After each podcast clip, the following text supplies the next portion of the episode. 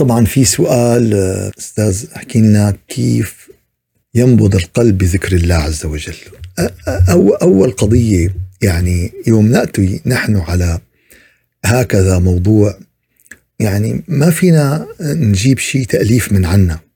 وأنا دائما بقول للأشخاص والأحباب اللي يعني بكون بخدمتهم و بقول لهم شغلة بقول لهم لا تقبلوا مني شيء لا يرتكز على النص الصريح الصحيح يعني نص صحيح وصريح. أول شيء يا ترى أن القلب يستجيب لله عز وجل. هل حقيقة أن القلب يستجيب أو لا يستجيب؟ فيه الشيء هذا يعني. فالواقع أنه أن هذا القلب قد فطر هذا القلب قد فطر على ذكر الله عز وجل. يعني هذا القلب مصمم هذا الجهاز مصمم لذكر الله عز وجل. ورب العالمين بين أن هذه علامة من علامات الإيمان. الذين إذا ذكر الله وجلت قلوبهم خفقت. خفقت محبة واحتراما وخوفا وإنابة واستغفارا. ولكن عبرت بإيش؟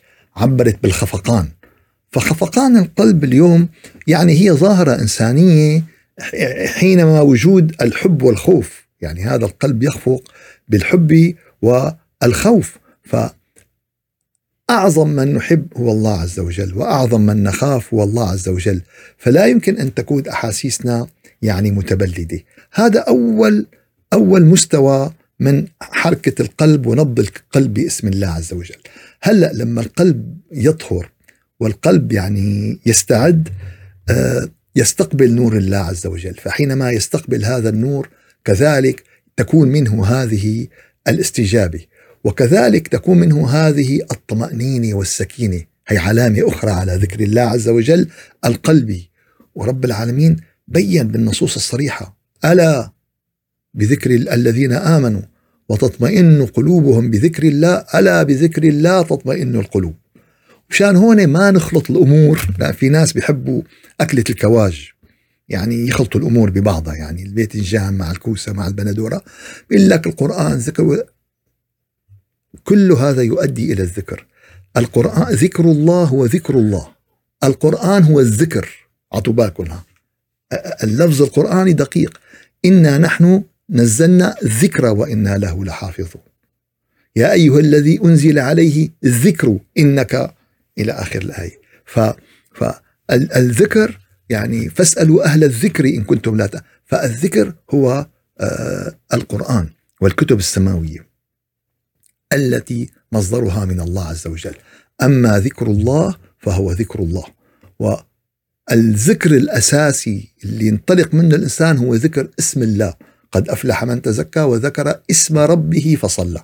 هي البدايات. لحتى ينبض هالقلب باسم الله ساعتها بيذكر الإنسان أو الانسانه شو ما بده صار القلب يستجيب.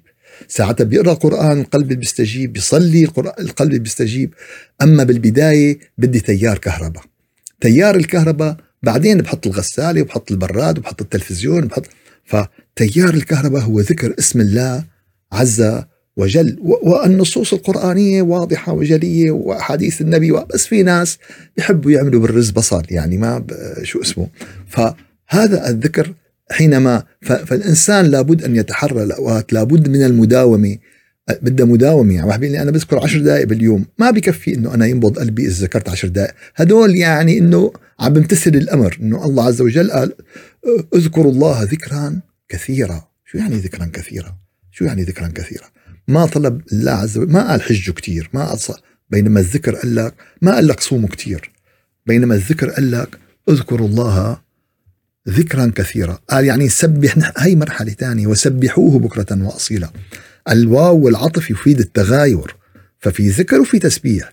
طبعا التسبيح نوع أعلى من الذكر. إن شاء الله سنأتي على الأمور بالتفصيل إن شاء الله يعني بنوضح الأمور أكثر وأكثر. فالإنسان وبقلكم لابد لابد في هذا الموضوع من المعلم والمرشد لابد يعني يعني صعب الإنسان يتعلم السباحه بيستعد لبينما الله يهيئ له هذا الأمر.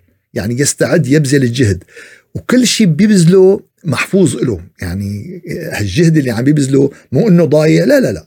محفوظ له ومتى ما رب العالمين هيئ كمان الأسباب فإن شاء الله ينطلق يعني قلب هذا المؤمن بذكر الله عز وجل.